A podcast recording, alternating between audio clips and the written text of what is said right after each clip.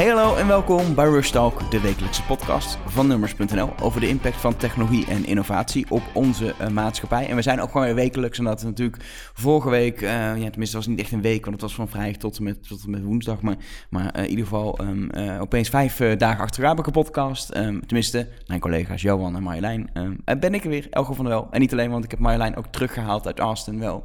Uh, hoogstpersoonlijk. Hoogstpersoonlijk. Terugkomen jij. Terugkomen nu. We moeten, we moeten bij Rustak opnemen. dus uh, welkom, welcome home. Dankjewel, dankjewel. Heb je, Leuk om weer in Amsterdam te zijn. Ja, het was, het was tekst, bij thuiskomst hier mooier weer dan in Austin. Oh echt? Ja. Was het geen lente in uh, Texas nog? Nee, nou we hebben de eerste dag en de laatste dag mooi weer gehad. Maar het was niet de beloofde 30 graden. Dus dat, oh, wil, dat is toch een beetje, dat is stiekem de echte reden dat je naar, dat je, is leuk, maar je gaat voor het voorjaar, ja, zeg maar, voor, de, voor de zon. Het was een beetje minder dit jaar. Maar het was nog steeds heel erg leuk. Nee, volgens mij hoeven we niet meer over na te praten, want nee, daar nee, hebben jullie uitgebreid vier, gedaan. Vier of vijf uitzendingen opgenomen vijf, ja. Dus, dus uh, luister dat, even uh, ik, ik heb ze in ieder geval allemaal met veel plezier geluisterd en ik denk uh, velen ook. Um, heb je niet helemaal kunnen luisteren, wat ik me ook voor kan stellen, want het is wel veel tijd die je eraan moet besteden. Pak gewoon de komende weken nog op, ze blijven actueel en interessant. En juist omdat ze niet alleen over technologie gaan, maar ook zeker over de ontwikkelingen in onze maatschappij, gaat het breder dan dat. Uh, vandaag gaan we ook lekker breed, want we gaan uh, van technologie, natuurlijk gaat het ook over technologie, maar we gaan een beetje naar de sport. Mm -hmm. Nou, ik denk wel jouw favoriete sport op dit moment. Of misschien van altijd wel. Ja. als ik jou erover hoor, dan, dan zie ik die, die ogen van jou beginnen te glinsteren. Het is echt heel erg. Maar ik heb dat inderdaad altijd al. Het is... Uh... Formule 1, gaan we het over hebben. Formule 1, nou moet ik eerlijk zijn, ik, ik, ik weet, dat is wel eens vaker misschien niet zo heel veel van sport. Er is één sport waar ik echt heel weinig vanaf weet en dat is Formule 1. Ik weet dat het uh, races zijn. De, eigenlijk de, de belangrijkste, het is het hoogst haalbare op racegebied, dat weet ik. Um, de, er zijn races altijd op zondag op verschillende plekken ter wereld. zijn parcours, onder ja. andere uh, volgens mij Monaco en ergens in Australië en Barcelona en dat soort plekken. Klopt ja, dat? klopt. Dat is ja, en dat weet ik. En, en we hebben dus, we hadden vroeger Jos Verstappen en tegenwoordig Max Verstappen en haalt het een beetje op. En dat is bijna hetzelfde. Dat ik ervan weet. Dus uh, je mag mij vooral alles, alles, alles gaan vertellen. En wat ik weet is dat zondag het nieuwszoom begint. Want het gaat er heel veel over. We schrijven er heel veel over op nummers. En jij hebt er ook vaak op de redactie over. Dus dat weet ik ongeveer. Nou, dat is een goede samenvatting. Nou, dan, dan was ja, het dat. dan was uh, het dat. Heb je nou iets te reageren, dan kan het naar Ed Nee, nee, maar, maar even serieus, wat, wat ik heel interessant ja. vind. Uh, ik heb altijd wel, uh, op, de, op de middelbare school had ik al vrienden die dan Formule 1 keken. Mm -hmm, en die waren dan echt hele zondagen, was je ja. niet kwijt, want het duurt langer dan een half uurtje zo'n race. Zeg oh, maar. wij gingen ook vaak met z'n allen en dan fietsten ja. we naar iemand uh, toe en dan gingen we daar met z'n allen de Formule 1 kijken. Ja, en ook later, altijd wel ergens in vrienden wel iemand of twee gehad die dat echt wel trouw kijken. Het is mm -hmm. natuurlijk, het zijn, hoeveel zijn het races? 15 of zo? 20. 20. Dus 20 keer een zondagochtend, middag. Iets best wel te overzien om het ook allemaal te volgen. Dus dat mm -hmm. is wel lekker. Um, Um, maar ik heb zelf, ja, ik heb die interesse om, ik heb sport kijken, ik snap het nog steeds nee, niet. Nee. Um, um, het is wel lekker scheuren volgens mij, tenminste als ik de, die, die, die, paar beelden die ik wel zie, dat ziet er wel uit het dat het hard uh, gaat. Het is eigenlijk een beetje hetzelfde als een serie. Als je nu tegen iemand zegt, goh, je moet eens Game of Thrones kijken en ze kijken een willekeurige aflevering Game of Thrones, snap je er ook geen snars van. Nee, precies. Dus en dat is met uh, Formule 1 precies hetzelfde. Het wordt pas, en met veel sporten, het wordt pas spannend als je het van begin tot eind volgt, als je een beetje de verhalen erachter kent, de teams, de coureurs, mensen, de hoofdrolspelers een beetje leert kennen. Ja, dan wordt het spannend. Ja, en, en volgens mij juist die wereld van Formule 1 is wat dat betreft een spannende wereld. Het gaat natuurlijk, het is een beetje maar Fast and the Furious, maar dan, maar ja, dan professioneel. Klopt. Het gaat over snelheid, het gaat over, over, over uh, uh, heel veel mannen vooral ook. Um, ja, die, um, er, zijn er, nooit, er zijn nog nooit vrouwelijke Formule 1 racerijders geweest. Er zijn wel vrouwelijke Formule 1 testcoureurs geweest. Dit okay. jaar is er ook weer een vrouwelijke uh, Formule 1 testcoureur.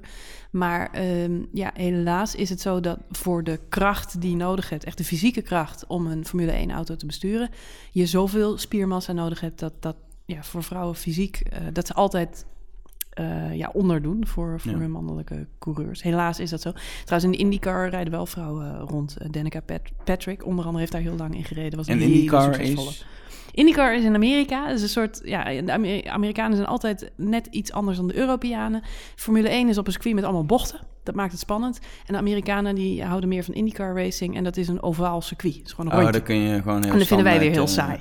Ja, daar zit, uh, dat is gewoon uh, saai. En, ja, is gewoon, gewoon saai. een rondje ja, om de kerk. Ja. Maar het geeft wel aan dat vrouwen daar beter in kunnen zijn, omdat het weer iets minder te maken heeft met uh, die auto op de baan houden in de bochten. Want als je het rondje eenmaal kent, dan kun je dat goed volhouden. Dit jaar, de auto's zijn flink veranderd. de auto's zijn groter geworden, breder, langer.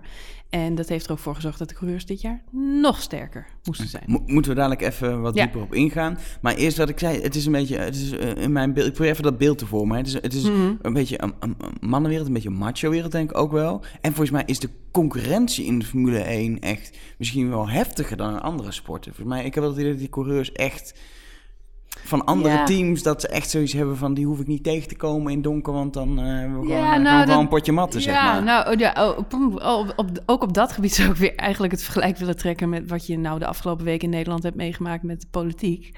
En dat is dat eh, in het debat vecht je elkaar de tent uit, maar buiten de race om kunnen die coureurs vaak heel goed met elkaar Oh wel. opschieten. Ja, ja, ja.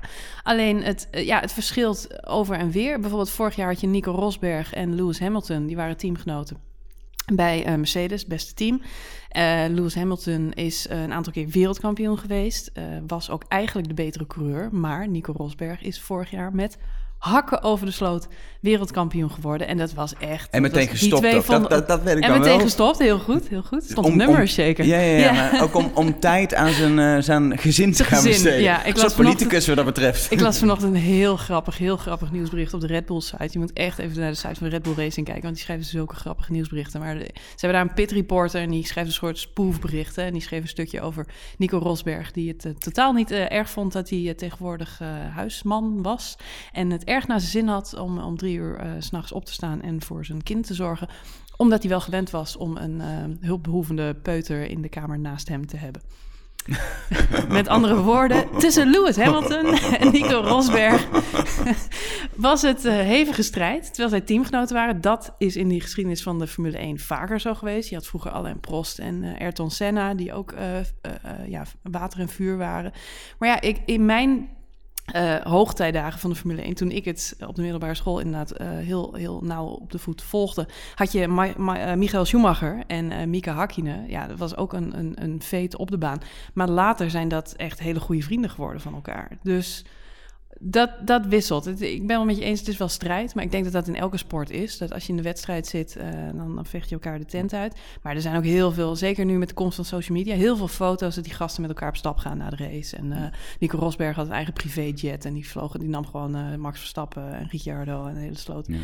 Mensen mee naar de volgende Grand Prix. Het is, het is, eh, Formule 1 is eh, een bijzondere sport, omdat het is eigenlijk een internationale sport waar het land waar je vandaan komt eigenlijk niet boeiend is. Nee. Ehm, eh, dat betekent Gelukkig dat wij maar. als, als Nederland de hele tijd niet hebben meegedaan, tenminste geen racer hebben gehad. Mhm. We hebben nu Max Verstappen, Ja. de, de, de zoon van Jos, die in de jaren 90 natuurlijk heeft, heeft geraced. Ja. Niet heel goed, maar hij deed wel mee. Ehm, dat is Ja. een korte samenvatting, toch? dat is een korte samenvatting, ja. Ehm, we hebben nu Max Verstappen, die daarentegen al in zijn eerste seizoen, vorig seizoen, eh, eh, eh, ja, hij heeft denk ik ons Nederland enthousiast gemaakt over Formule 1 opnieuw. Maar ook internationaal volgens mij heel veel mensen verbaasd om, om de acties die hij heeft uitgevoerd. Ja. Om, geloof van dertiende plaats terug te komen naar weet ik veel te vieren of zo. Ik precies. Heb mij niet op de ja. cijfers. Ja. sorry, ik weet, de- ik, ik, ik, ik probeer het, het, ik probeer het, het mee te krijgen. Dus, Zo, het, was, het was vorig jaar niet Max' eerste seizoen in de Formule 1. Dat was al in 2015. Oh, hij is begonnen bij Toro Rosso. Hij is eigenlijk gescout door, door Red Bull al op heel jonge leeftijd als talent. Ehm, dan is het zo dat je in een soort talentenklasje komt. Mag je allerlei verschillende raceklasses uitproberen. Hij heeft Formule 3 heel lang gereden. En er werd al heel snel duidelijk dat hij ja, echt heel goed was. Dus hij is heel snel eh, eigenlijk eh, doorgeschoven naar de Formule 1. Hij is de jongst debuterende Formule 1-coureur ooit, 17 jaar. Dat mag tegenwoordig niet meer. Je moet nu verplicht eh 18 zijn, maar hij is op zijn 17 nog begonnen. Vorig jaar eh, was hij dus 18. En eigenlijk na vier races eh, ja, kwam eigenlijk naar voren dat ehm, Red Bull heeft twee teams. Toro Rosso en Red Bull Racing. Red Bull Racing is de betere auto. En Toro Rosso is een beetje juniorenteam, een beetje de kweekvijver. Daar zat Max Verstappen. Maar de teamgenoot van eh, Ricciardo, eh, ja, die presteerde gewoon niet goed. Dus die hebben ze teruggezet naar Toro Rosso. En toen mocht Max Verstappen ineens ah, dat en, en, naar de betere auto. En, daar, en toen, omdat dat hij toen de- echt een goede ja, auto had. En exact. toen ging hij meedoen eigenlijk in de top Precies, dan. dat was zijn, eer- zijn eerste race in Red Bull. eh, in de Red Bull eh, auto was op Barcelona en die race won hij gelijk. Nou, dat is natuurlijk daar ga je nooit meer overtreffen. Dus dat is bijzonder. En toen was het opeens, was Max Verstappen ook cool en ging iedereen eigenlijk Formule 1 in Nederland weer volgen. Tenminste, ja, natuurlijk, is... er zijn altijd mensen geweest, en jij ook, die het wel gevolgd hebben. Um, ja, met ups en downs. Maar ja. de hype is opeens is daar omdat we succes maar hebben als, absoluut, als Nederland. Absoluut. Ik, ik heb echt, ik heb weer helemaal zo'n gevoel als in de jaren 90. Uh, eh, ik ging kijken, ik denk dat het 94 moet zijn geweest. En dat is net uh, dat is het jaar waarin Senna verongelukt is. Dat, toen keek ik nog niet heel bewust, maar ik, mijn ouders die volgden het en uh, zodoende kreeg ik het mee dat dat gebeurd was. En ik merkte op school dat daarover gesproken werd. Race daarop ben ik het gaan kijken. En Jos Verstappen ging toen rijden. En dat was een Nederlands coureur. Dat was heel lang geleden. Vroeger had je wel Jan Lammers gehad en uh, ik geloof nog één andere. Maar een Nederlands coureur in de Formule 1 was heel bijzonder. Want net wat jij zegt, het is echt... Het is de aller uh, ja, hoogste autoklasse die er is. Het is de meest prestigieuze. Het is van oudsher een sport. Uh, tijdlang zijn heel veel dodelijke ongelukken in gebeurd. Het is een hele gevaarlijke sport geweest. Het hangt samen met, met jetset, met glitter, met glamour, met sponsoren, met ontzettend veel geld. En ja, dat daar een Nederlander in mee ging doen, dat was toen al heel bijzonder. En je zag echt in die jaren ja, ik, voel, ik miste geen race. Als wij op zomervakantie gingen, dan uh, zochten we, mijn zus en ik zochten een camping uit waar een televisie was in de ANWB-gids. Eh, omdat we per se wel op zondag die race moesten gaan kijken. En dan moest je, uh, als je dan in die tv-ruimte op de camping kwam, eerst nog wel wat Fransen, zeg maar, de tent uitjagen. Die zaten dan door de Frans te kijken. Maar je moest echt geen race wissen, want zo spannend was het. En, en dat merkte je eigenlijk in de jaren dat de Formule 1 magazines, die, die liepen als een trein. Iedereen had Formule 1 agenda's op school. het was echt, echt helemaal terug. Je zag ook dat heel veel uh, BN'ers of, of ja, mensen in het zakenleven ineens uh, raceteams gingen opzetten of zelf in lagere klasses gingen racen. En iedereen had het weer over een Formule 1 race op Zandvoort, ja of nee. En, en eigenlijk heb je nu een beetje datzelfde. Dat is weer opnieuw uh, ja, aan de gang. Maar het is wat dat betreft inderdaad, uh, of nou voor de Formule 1 gaat uiteindelijk, of inderdaad gewoon voor de lol race uh, als, uh, als amateur, als zeg maar. Ja het is een rijke sport. Inderdaad, je zegt dat ik had het gepaard nou in de Formule 1 ook met ja. jetset, uh, glamour. Het is, ja, je, uh, moet er, je moet er wel geld voor hebben. Het is, een, het is een mechanische sport, want je hebt een auto nodig. En uh, gisteren was ik bij de perspresentatie van de nieuwe Le Mans auto van Jan Lammers. Die gaat samen met Rubens Barrichello en Frits van Eert, die de directeur is van Jumbo, van de supermarkt, gaat hij Le Mans rijden. Dat is bijzonder, want er mogen maar 60 auto's mee, meedoen. Zijn altijd veel meer aanmeldingen. En Jan Lammers die zei ook, hij zegt, um, uh, er waren Formule 1-tests in, uh, in Barcelona. Um, een van de nieuwe coureurs die daar zijn auto mocht uitproberen is uh, even kijken, Lance Stroll heet die jongen. Hij is een nieuwe coureur, een rookie. Um, en in die tests presteert hij het om twee keer zijn gloednieuwe auto in de vangrail te rijden. Gewoon auto kapot. Tijdens een test. En, en Lammers zegt dat je wil niet weten hoe nadelig dat voor je team is. Want uh, de auto is stuk. En, en in die vijf dagen die je hebt om überhaupt daar te testen, is je team bezig om die auto weer in elkaar te zetten. In plaats van dat je rondjes kunt rijden, dat je data kunt verzamelen, et cetera. Met andere woorden, ja, het, het is een mechanische sport. En je bent ontzettend afhankelijk van je materiaal. Dat moet goed zijn. De verschillen, met name in de Formule 1, zijn de, jaren, afgelopen jaren steeds verder toegenomen. Dus je hebt echt je hebt rijke teams, Mercedes en Red Bull en Ferrari, die altijd de beste auto hebben. En je hebt de wat armere teams ja, die het gewoon nooit kunnen bijbenen. Dus het is ook wel oneerlijk uh, verdeeld. En er gaan nu ook wel stemmen op, zeker nu de Formule 1 een, een, nieuwe eigenaar heeft, om, om daar iets aan te gaan doen, om de gelijkheid binnen de sport in elk geval een beetje recht te gaan trekken, zodat het niet alleen maar om geld draait. En waarom, waarom hebben bedrijven een Formule 1 team? Want het, het, gaat, het, is, je bent, het is niet een sponsoring, je bent eigenaar van het team. Het is mm -hmm. eigenlijk onderdeel mm -hmm. van jouw bedrijf. Um, uh, maar het, het kost gigantisch veel geld. En het is inderdaad, nou, je merknaam komt lekker langs, zeg maar. Maar volgens mij is, is, de, is, is de naamspelling nog steeds, levert het niet zoveel op als dat het je kost Oh, dat wil je niet weten. Dat wil je, nee, serieus. De Formule 1 is de koningsklasse van de autosport. Daar kijken eh, elk jaar honderden miljoenen mensen wereldwijd naar. Vergelijk het met voetbal. Waarom, waarom stopt Heineken geld in de, in de Champions League en al dat soort dingen? Daar kijken zo verschrikkelijk veel mensen naar. Um, dus één, voor de automerken is het gewoon puur een prestige ding. Ferrari doet weinig aan marketing misschien, maar ze hebben wel een Formule 1 team. Het zou echt te idioot voor zijn als Ferrari geen Formule 1 team meer zou hebben. Ja, maar dat kan ik me voorstellen. Maar een Red Bull, tuurlijk, uh, sport, extreme sports, uh, dat soort dingen is hun ding. Red, maar... Bull, Red Bull is een compleet ander verhaal natuurlijk. Die, die, die gooien die hebben alle businessmodellen die er ooit ter wereld hebben bestaan in de war geschopt. En wat jij zegt, ze zijn in extreme sports, hebben ze altijd al gecoind. Ik weet nog dat Red Bull net begon als Formule 1-team. En dat was best wel een ontzettende gok, omdat ze deden al veel met extreme sports, ze hadden dat drankje al, maar Red Bull gives you wings. En zij hadden niet gelijk het beste raceteam. Want als je Formule 1-team begint, dan ben je niet meteen de aller, allerbeste. Dus ze reden in de beginjaren echt al een beetje achteraan. Er was natuurlijk in zekere zin schadelijk bijna voor het merk. Want Red Bull geeft je vleugels en dan, dan gaat die auto niet vooruit. Maar goed, inmiddels zijn ze up to par en doen ze mee met, uh, met andere teams. Maar het heeft natuurlijk ook te maken met het kapitaal wat ze achter zich hebben zitten. Daarnaast moet je niet vergeten dat. Uh, de prijs van een uh, blikje Red Bull ook wel, denk ik. Je betaalt wel bij elk blikje Red Bull mee aan hun, al hun activiteiten die ze doen als bedrijf, denk ik. Ja, dat is ook zo. Maar ze hebben ook andere verdienmodellen dan alleen maar... Kijk, het is bijna zo dat het, dat het blikje drinken een, uh, een promotiemiddel is. en verder, het is natuurlijk een media- en entertainment ja. business. Toevallig heb ik er vandaag op nummers ook een stuk over geschreven. Uh, wat Red Bull op dit moment aan media allemaal maakt... rondom zijn twee coureurs, uh, Verstappen en, en Ricciardo. Ja, is fantastisch. Als journalist zit je echt te smullen, omdat ze elke dag filmpjes, tweets, interviewtjes, korte soundbites de wereld in jassen. Uh, wat het voor ons super tof maakt om dat team op de voet uh, te volgen.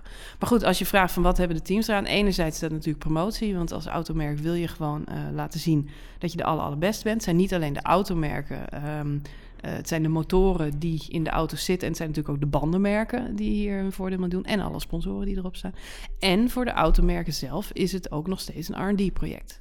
Dus technologieën die in de Formule 1 ontwikkeld worden, kunnen uiteindelijk ook een weg vinden naar het luxere segment auto's. Zeker voor Ferrari is dat interessant natuurlijk. Ja, uh, als je toch weer uh, net uh, ja. een milliseconde sneller van 0 naar 100 nou, Ze leren er een hoop van. Dat, dat is ook zo. Ja.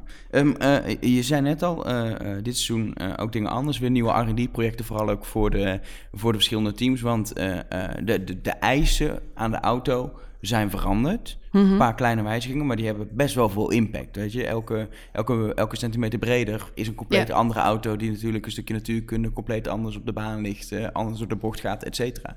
um, wat is, uh, zo, eerste vraag, hoe vaak verandert dat? Want daar heb ik geen idee van. En, en dan ook van, wat is de impact van de, van, wat zijn de veranderingen, wat is de impact, zeg maar? Mm, wat je moet voorstellen is dat die regels in Formule 1 sowieso ontzettend streng zijn. Er zijn echt er zijn blueprints van, van in centimeters die aangeven hoe breed en hoe smal bepaalde onderdelen van de auto mogen zijn.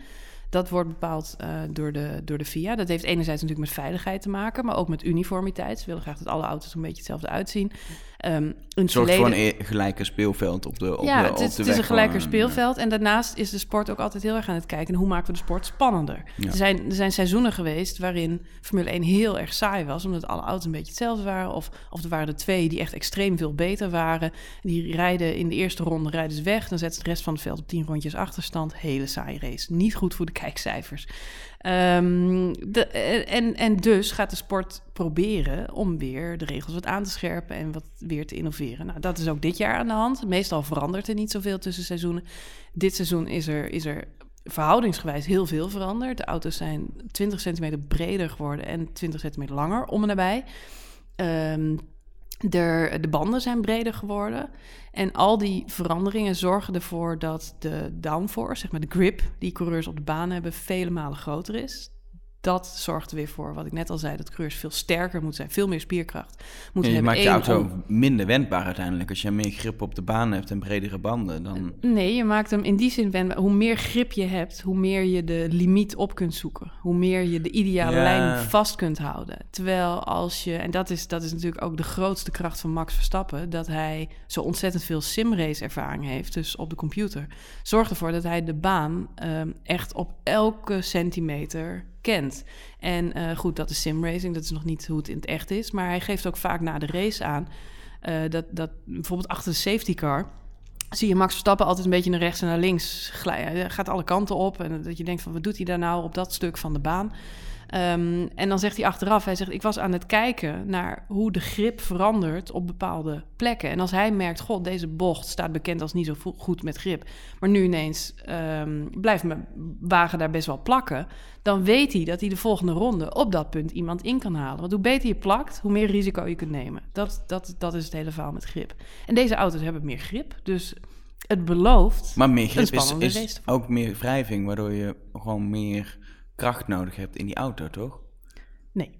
Oh, dan heb ik, me heb ik echt iets bij natuurlijk kunnen niet helemaal... eh, Nee, in principe is het zo dat, dat die downforce er juist voor zorgt dat die auto's meer, ja, beter, eh, eh, ja, moeilijker te besturen zijn. Ze, moeten er echt, ze Ja. hebben er echt voor de sportschool ingemoeten om, om, om sterker te worden. En ook om de G-krachten, want de auto's gaan 4 tot 5 seconden sneller. Om ook die G-krachten beter op te kunnen vangen. Maar in principe moet het ervoor zorgen dat het nu spannender wordt. En, en, en, Max heeft dus een nieuwe auto, want iedereen heeft een nieuwe auto. Nummer 13. Eh, Is er al, weet je, er zijn alleen nog maar testritjes gemaakt. Daar Mhm. is misschien niet zoveel conclusie uit te trekken, maar hoe, hoe staat zijn auto? Hoe wordt die beoordeeld? Hoe wordt, welke kansen worden Hm. Max toebedeeld met deze auto, zeg maar? Ehm, het, eh, de, er waren inderdaad tests in eh, Barcelona twee weken geleden. Dat is de eerste keer dat alle teams de baan op, op zijn gegaan. Ehm, je moet ervan uitgaan dat tijdens de tests alle teams niet het achterste van hun tong laten zien. Dus ze zullen niet op de max gereden hebben. En het gaat er vooral om, om eh, ja, data te verzamelen en of die auto de lange rit volhoudt. Dus eh, Red Bull heeft bijvoorbeeld niet de snelste race, de rondetijden neergezet in Barcelona. Ehm, de Mercedes en de Ferraris waren grotendeels sneller. Maar Max heeft wel eh, op bepaalde dagen het meeste aantal rondjes afgelegd. Dat betekent dat die auto inmiddels al één of twee Grand Prix, dus volledige racelengtes, op zijn naam heeft staan. Dat is voor de monteurs weer heel belangrijk, want ja, als je die auto niet aan de finish brengt, dan, dan win je sowieso niet. Dus het is enerzijds is het een verhaal van snelheid, wie heeft de snelste auto? Anderzijds is het een verhaal van betrouwbaarheid. Op het gebied van snelheid moeten we nog even afwachten op de Red Bull, eh, de andere twee teams, eh, Ferrari en Mercedes, gaat bijhouden. Maar op het gebied van betrouwbaarheid ziet het er goed uit op basis van de tests. Maar gaat hij gelijk winnen? Gaan we zondag zien, heel vroeg ochtends. Ja, heel vroeg. Ehm, eh, ehm, eh, best wel lastig voor mensen die Formule 1 kijken. ehm, dat je tegenwoordig moet je Ziggo-abonnee zijn om het, om het te volgen eigenlijk. Want Ziggo heeft, eh, heeft Oh ja, de rechten, sinds, Hmm. die heeft toch vorig jaar de rechten binnengehaald op Ziggo Sports. Ja, dat klopt. En, eh, ja, ik ben zeker abonnee, dus ik denk inderdaad niet eens bij naam. Maar, En volgens mij, als je, ja. jij hebt tenminste frequenties, dus het lijkt Ja. me heel raar dat je via KPN Ziggo Sports kan kijken. Nee, dat is, daar heb je een goed punt. En vroeger zond Engeland en Duitsland, die zendt het ook uit, maar alleen bepaalde races. Dus niet het complete seizoen. Die hebben niet alle rechten. Terwijl Ziggo Sports, nou ja, logisch met Max ook, eh, nee, veel Nederlanders willen kijken. Hmm. Die pakken lekker uit, want die gaan meer doen Ja. dan ooit dit jaar. Daar heb ik me dan wel weer in verdiept in de, in de, in de nou, media. vertel, vertel. Nou, zeg, ze, mogen, ze mogen als eerste echt eh, ehm, de, de, hoe noemen ze het? De, de, de grid op. Huh? Dan moet je, jij moet me even uitleggen wat de grid precies weet is. niet wat de grid is. Ja, ja dat, is, dat is zeg maar volgens mij de, langs de baan, zeg maar. Echt het stuk waar de start en de finish is, toch? Ja, start-finish. Ja. Ja. Ja. dus het stuk eh, bij, bij de pitstraat waar, waar de teams voor de race hun auto's klaar hebben staan en waar de coureurs worden voorbereid. En wat heel erg leuk is, want in Engeland, ehm, ja, ik, ik, ik volgde zolang dat kon, toen nog bij de BBC wordt, werd uitgezonden, volgde ik het altijd op die zender omdat eh, ze daar eh, eh, onder andere Eddie Jordan en David Coulthard en Martin Brundle, allemaal oud Formule 1 coureurs, hebben rondlopen die dan op de grid aanwezig zijn. Die staan daar in het zonnetje lekker met elkaar te praten en een beetje de race voor te bespreken. En dan, ga, gaan ze nog even een praatje maken met coureurs. Zo van, hey Max, heb je er zin in? En alles goed. En, het stelt niet zoveel voor, maar het geeft als fan wel veel meer gevoel bij, oh, de, de, hè, wat ik aan het begin van de, van, van de uitzending al zei. Je wil die mensen een beetje leren kennen, want hoe meer je achter de schermen kunt kijken, hoe warmer je gevoel bij de Formule 1 wordt. Nou, en dat miste in de Nederlandse verslaggeving altijd heel erg. We zitten een uur lang Ja. naar drie mannen in een studio te kijken. Het is ook nooit een keer een vrouw. Eh, en eh, die... Ja, is open sollicitatie dit. nou, ik zou, ik zou graag eens aanschuiven. Maar ehm, het is...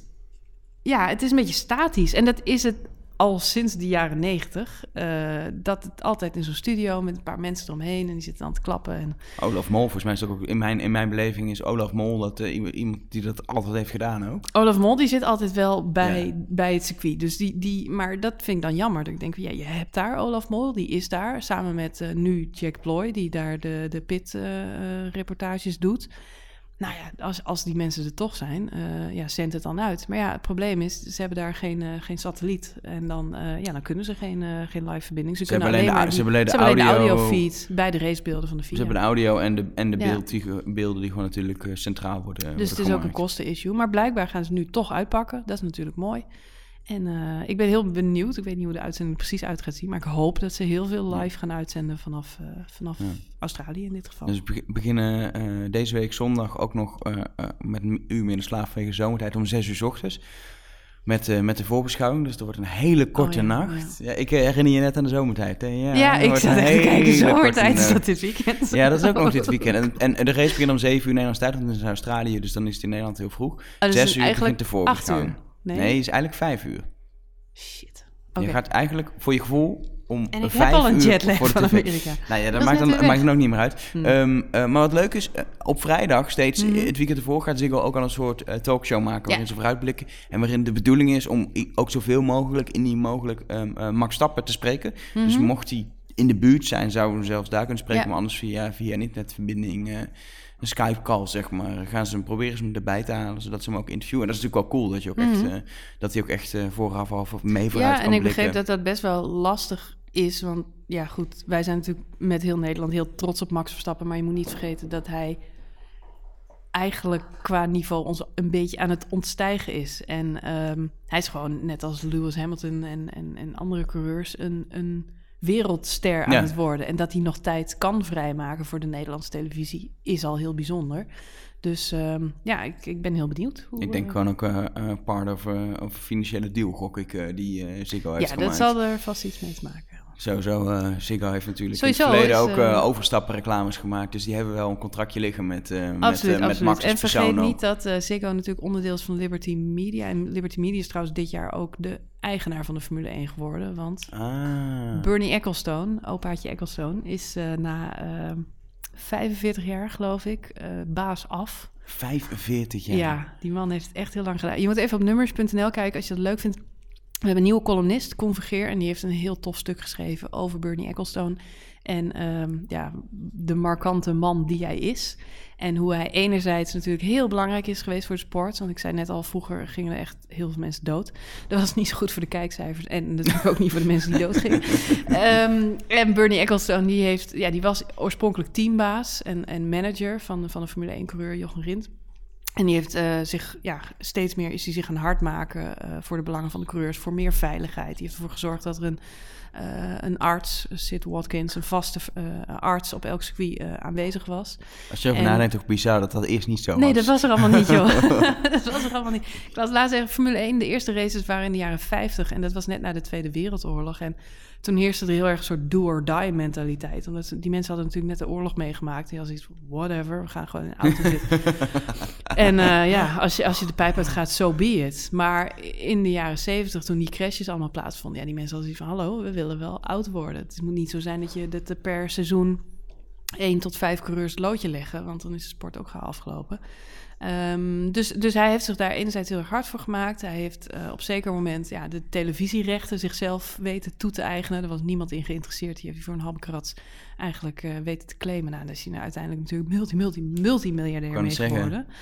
Uh, en nu heeft hij de tent verkocht. En hij is gelijk afgezet als, als baas van de Formule 1. en hij is inmiddels 85, dus op zich is het ook wel 86 geloof ik al. Wel logisch dat hij nu... Um, een keer gestopt is. Maar ik las wel, hij, hij zei deze week gelijk in een interview dat hij uh, ja, het niet eens is met uh, de richting die Liberty Media nu in wil gaan slaan. Want hij zegt, ja, ik heb de Formule 1 zelf altijd gemanaged als een vijf-sterren restaurant. En Liberty Media wil er nu meteen een fastfoodketen van maken.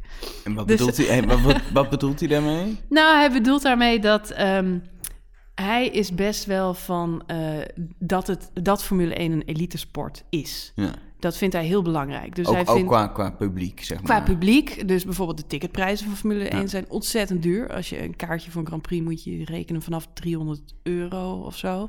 Tot, tot, tot veel Ja, hoger dan dan zit dat. je echt nog achter een, een pilaar, zeg maar. Ja, dan zit je in 300 euro. Hongarije, wat de goedkoopste race is, geloof ik. En ehm, dus, dus de ticketprijzen zijn heel erg hoog. Hij heeft ook altijd gezegd eh, van ja, ehm, het publiek is leuk dat ze komen, maar daarmee krijg ik de race niet dekkend. Dus het is goed dat de mensen naar kijken. Maar financieel is hij totaal niet geïnteresseerd in de mensen die naar een race komen. En vindt hij eigenlijk die prijzen nog hoger moeten worden. Maar hij vindt ook dat... Kijk, Formule 1 is een, is een soort Hollywood, is een soort society. Dus die coureurs, het zijn een soort celebrities. En die, die hebben een bepaalde status en exclusiviteit. En niet iedereen mag zomaar de pitstraat in. Om persaccreditatie te krijgen zijn super strenge eisen. Je komt dat wereldje niet zomaar binnen. is echt strikt geregeld. Liberty Media is nu al aan het kijken van... Ehm, hoe, uh, ja, hoe kunnen we dat wat toegankelijker maken? Hoe kunnen we gaan kijken naar dat teams uh, een vast budget krijgen, zodat we de teams wat dichter bij elkaar krijgen? Nou, dat is natuurlijk ook contra-elitair. Dus dat vindt Bernie Ecclestone ook helemaal niks. Die vindt gewoon, nou, hè, de rijkste hebben gewoon mazzel. De linkse hebben nu de macht. Ja, de precies. Het, is, nou ja, het, lijkt iets meer uh, ja, wat, wat liberaler te worden. Terwijl ja, Bernie Ecclestone echt een hele ja, rechtse, elitaire van de oude stempel uh, was. Bernie Ecclestone was trouwens wel flink bezig met het uitbreiden van het aantal races. Um, in het, uh, in het artikel van Convergeer staat een linkje naar een videofragment uit 1985... waarin uh, Bernie Ecclestone gevraagd wordt naar de Grand Prix op Zandvoort... waarop hij zelf zegt van... Zandvoort? ja, is echt verschrikkelijk. Daar, daar, ja, hij wil gewoon nooit meer terug naar Zandvoort. Je ziet echt in alles, in zijn ogen, dat hij dat gewoon onder, de, onder het niveau vindt. Um, en hij is juist uh, natuurlijk aan het kijken naar nieuwe Grand Prix in Amerika, wat hij heel interessant vindt. Liefst zou hij daar vier of vijf races uh, gaan houden. En uh, in Azië, waar heel veel Grand Prix de afgelopen jaren zijn bijgekomen. Allemaal hele futuristische, luxe circuits, mooie banen. Dubai hebben we natuurlijk erbij gekregen. Dus ja, hij is juist daar heel erg van. En het is heel spannend om te kijken wat Liberty Media nu met uh, Formule 1 Dubai is wel wat anders dan Zandvoort, ja. Dat, uh, ja, het is wel wat Qua publiek ook, qua, zeg maar. Qua duinen, ja, het is allebei met heel veel zand, maar ja. het heeft iets anders. Dat is de enige overeenkomst. Check, check even dat filmpje, want het is echt heel grappig. Ja, sowieso leuk. Uh, Convergeer heeft nu een stuk geschreven over Bernie Ecclestone, maar die gaat eigenlijk elke, nou ja, het is gemiddeld twee weken, maar voor mm. elke race voorafgaand aan die race gaat ja. hij eigenlijk een heel, uh, ja, niet echt een voorbeschouwing alleen op de race, maar hij ook gaat op het terugblikken. Circuit. Hij gaat, ja, hij gaat terugblikken ja. op het circuit. Dus de, deze, dit weekend wordt uh, Melbourne gereden. Dat is uh, deels een stratencircuit. Um, die race die staat ik weet niet aan mijn hoofd hoe lang, maar die staat al heel lang op de Formule 1 kalender. Dus er ligt best wel wat historie. En hij gaat elke, ja, elke race gaat hij zo'n historisch verhaal van de race die eraan zit te komen uitlichten en, uh, en vertellen. En uh, ja, dat vind ik heel erg leuk. Ja, stof, want Convergeren is uh, ja, een van de, de grootste Formule 1 kenners van Nederland. Nou, echt een van de boeken, grootste Formule 1 fans die ik ken, ja. Boeken op zijn naam, alles. Ja. Um, dus dat is wel tof dat hij bij ons schrijft. Ja. Maar jij gaat zelf ook regelmatig in de pen klimmen om, om dingetjes mee te pakken waar, waar mogelijk. Ik vind het wel leuk, ja. En wat, wat, wat kunnen mensen een beetje verwachten van... Van wat we op ja? nummers gaan doen? Nou ja, goed, wij zijn, wij zijn natuurlijk geen Formule 1 nieuwssite. Dus het is niet zo dat wij dagelijks... Uh, oh niet, dat noteer ik even. was je al aan het uh, studeren? Ik was al, maar ik, ik denk dit is een mooi beginpunt. En de komende dagen ga ik me verder inlezen. Alle races van de afgelopen tien jaar terugkijken.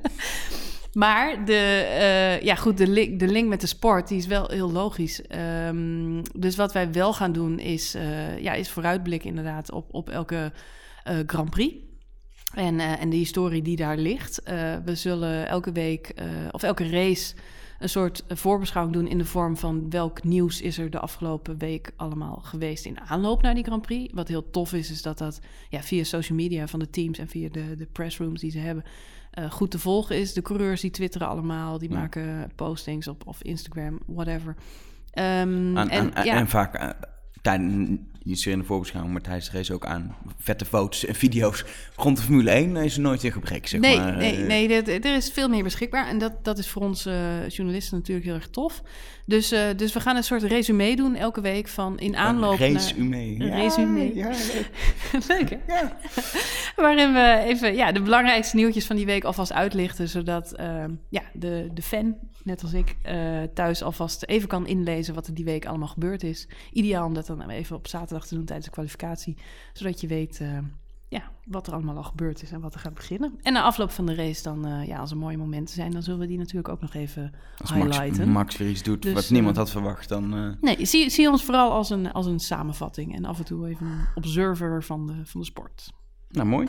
Um, uh, zondag is de race. Um, uh, heb jij al een soort vooruitblik of misschien wel stiekem al een soort verwachting of hoop? Nee, het, het wordt... Ja het, wordt, ja, het is heel spannend. Um, je kunt wel zien dat... um, is het een moeilijk circuit? Of zeker van de eerste race, een nieuwe auto's. Uh, het, het straatcircuit klinkt dan um, voor mij als leek meteen als toch wel lastig begin, zeg maar. Ja, het is, het is best wel uitdagend, want een straatcircuit heeft als nadeel dat er niet uh, vaak op geraced wordt.